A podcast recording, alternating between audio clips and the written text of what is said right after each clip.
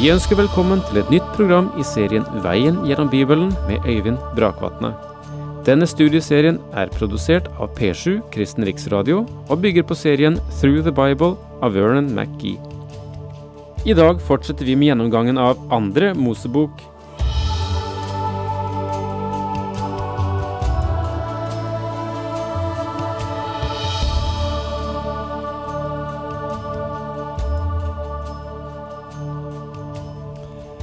Det vi møter eh, i annen Mosebok, så vel som i første Mosebok, det er en eh, nasjon som er under utforming.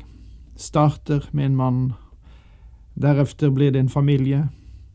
Av familier skapes eh, et folk, og så kommer de ut fra en lang trelletid. Mer enn 400 år i trellekår i Egypt. Og ut av denne situasjonen der de hadde vært treller og vært kuet, uten anledning til å være seg selv, eh, styres av sine egne lover og retningslinjer, så formes det nå en nasjon. Og når Bibelen går i detalj omkring en hel, dag, hel del hverdagslige forhold, så får du tenke at Skriften for jødefolket både var dets historie, dets lovverk, som styrte forholdene mellom dem, og som også styrte forholdet mellom et menneske og Gud, mellom nasjonen og Gud. Og I kapitlene 21-24 i Annen Mosebok har vi en sosial lovgivning, og det er den vi holder på med akkurat nå. Og Her ser vi at Gud legger ned et prinsipp i det første verset her i kapittel 22, som, eh, som røper en sterk respekt for et annet menneskes eiendom. Og da står det slik Når en mann stjeler en okse eller en sau og slakter eller selger dem, skal han til vederlag for oksen gi fem okser og for sauen fire sauer. Også vårt lovprinsipp sier at om du ødelegger en annen manns eiendom, så må du betale for skaden. Men alt vårt samfunn krever når du ødelegger eller skader en annen manns eiendom, er å erstatte eiendelen eller betale det den er verd. Guds lov, som krever en firfold erstatning, synes nesten å være bedre, meget bedre, når menneskenaturen egentlig er som den er. Om vi måtte erstatte fire ganger verdien av det som ble ødelagt eller skadet, tror jeg vi ville være langt mer forsiktige. Menneskets natur er alltid den samme, og Gud er alltid den samme. Gud steller med menneskene ut fra prinsippet om hva som er best for mennesket. Blir en tyv grepet og slått i hjel mens han gjør innbrudd, skal det ikke regnes for drap. Loven gir deg rett til å beskytte deg selv i våre dager legges det stor vekt på å beskytte den skyldiges rettigheter, og det er bra, og det er riktig, og det er sant kristelig, men ikke når det går på bekostning av den uskyldiges rettigheter. Guds lov beskytter et menneskes eiendom og hans hjem. I lys av dette prinsippet har et menneske rett til å beskytte sin eiendom, sitt hjem og sine kjære. Guds lover er grunnleggende prinsipper som skaper lov og orden i et samfunn. Om vi i sterkere grad hadde fulgt Guds sosiale lovgivning, slik som den gis i Annen Mosebok, ville vi, i noen grad i alle fall, ikke hatt de sosiale problemer vi har på gatene og i byene, spesielt i vårt fedreland. Hele vårt lovverk som blir grunnlagt på Guds ord, forkludres av mennesker som ikke kjenner Bibelen fordi de selv står så langt fra den. Hele deres bakgrunn er av en slik karakter at de ikke alltid er i stand til å tolke loven skikkelig fordi de ikke kjenner de prinsipper som loven sprang frem fra. Vår grunnlov ble skrevet av menn. Ikke alle var kristne, men de hadde en grunnleggende respekt for Guds ord og det preger de bærende prinsipper i all lov i dette landet. Men nå gror det frem en ny generasjon som administrerer loven uten bakgrunn i den Bibelen som var denne lovens kilde. Og jeg tror personlig at det er en ulykke. Det er en dyp ulykke for vår fremtid.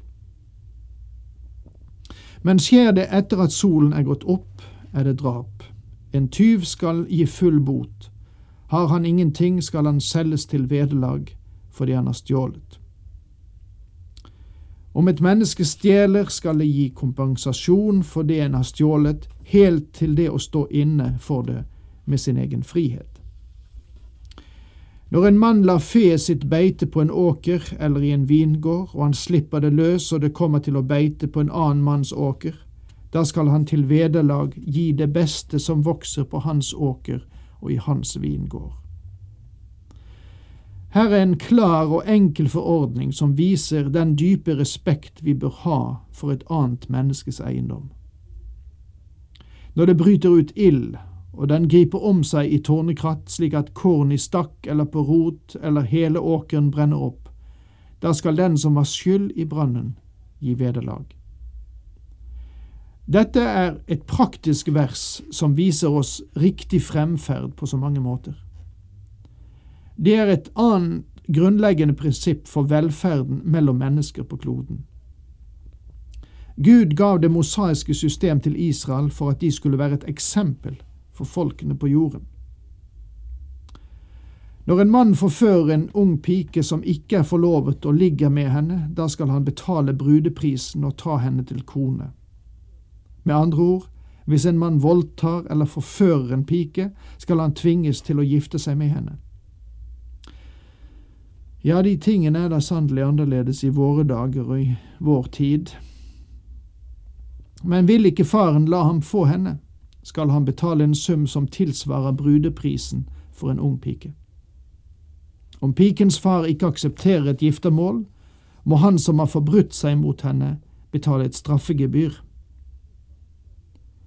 En trollkvinne skal du ikke la leve. I dag ser vi en gjenoppliving av djevletilbedelse og tilbedelse av overnaturlige fenomener, og denne trenden er økende og reell, og det skal vi se mer på når vi behandler Femte Mosebok. Hver den som har omgang med fe, skal bøte med livet. Å ha seksuell omgang med dyr viser hvor lavt vi kan falle som mennesker. Hvorfor stiftet Gud en slik lov? Vel, fordi dette fant sted. Og vi ser en viss oppblomstring av denne uendelige, nedverdigende praksis i vårt opplyste samfunn. Den som ofrer til andre guder og ikke til Herren alene, skal bannlyses. Ja, dette er sannelig en meget hard straff, men det var et helt naturlig forhold å ta opp i det spenningsfeltet som den unge nasjonen nå var inne i. Så mye i folket avhang av at de hadde én Gud. En splittelse på dette punktet ville pulverisert ansvarsforholdet i folket, og selv for et samfunnslegeme er det aktuelt å operere bort kreft. Tøft, ja vel, men nødvendig. Og det er dette Gud taler om her. Du skal ikke plage en innflytter eller fare hardt fram mot ham, for dere har selv vært innflyttere i Egypt. Ja, dette er sannelig en aktuell lovparagraf i Guds forordninger også for vårt samfunn. Dette har med menneskesynet å gjøre. Vi er alle skapt i Guds bilde.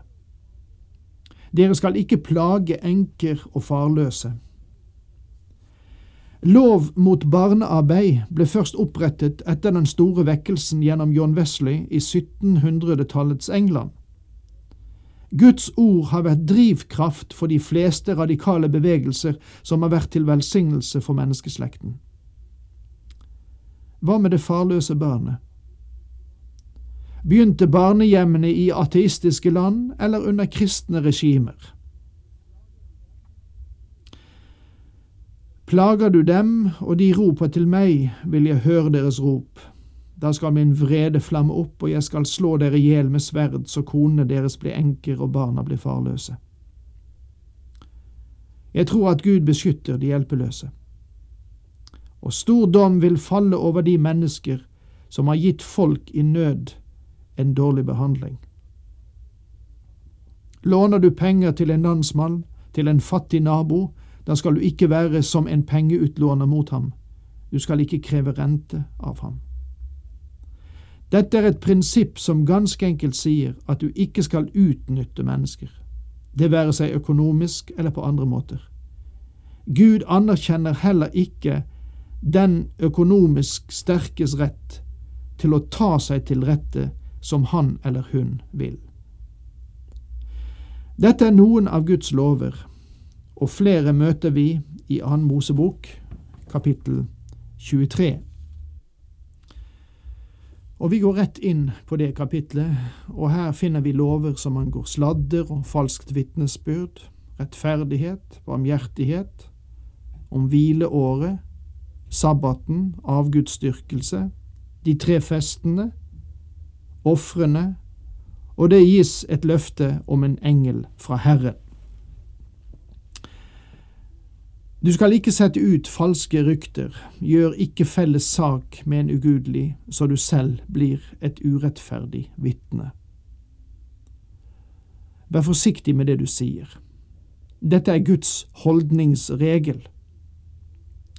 En pratmaker er like ond som en morder, en tyv eller en horkarl i din midte, men i vårt samfunn blir det nesten sett på med ære.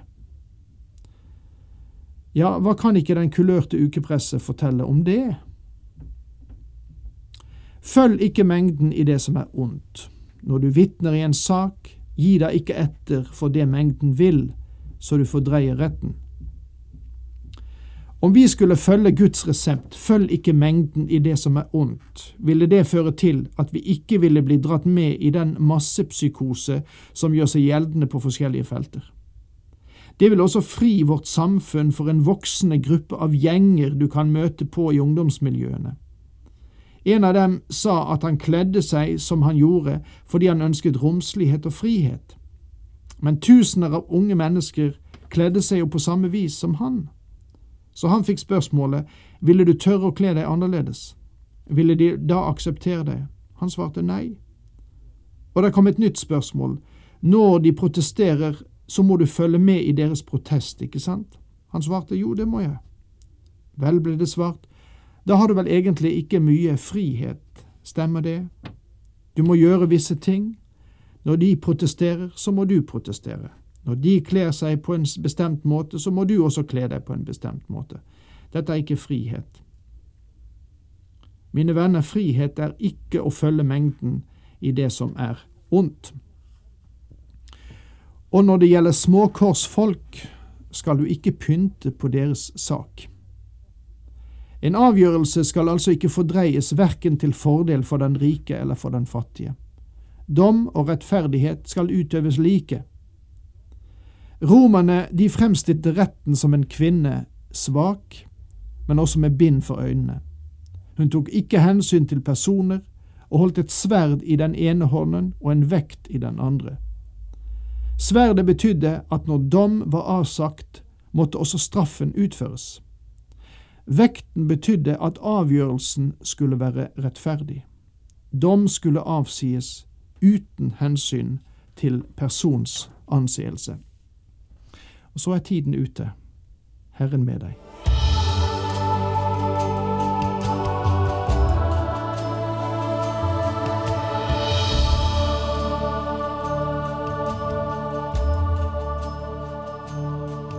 Du hørte Øyvind Brakvatne i studieserien Veien gjennom Bibelen. Serien bygger på et manus av Vern McGee. Har du spørsmål eller kommentarer til programmet, kan du sende en e-post til vgb krøllalfa p7.no. Takk for i dag, og på gjenhør.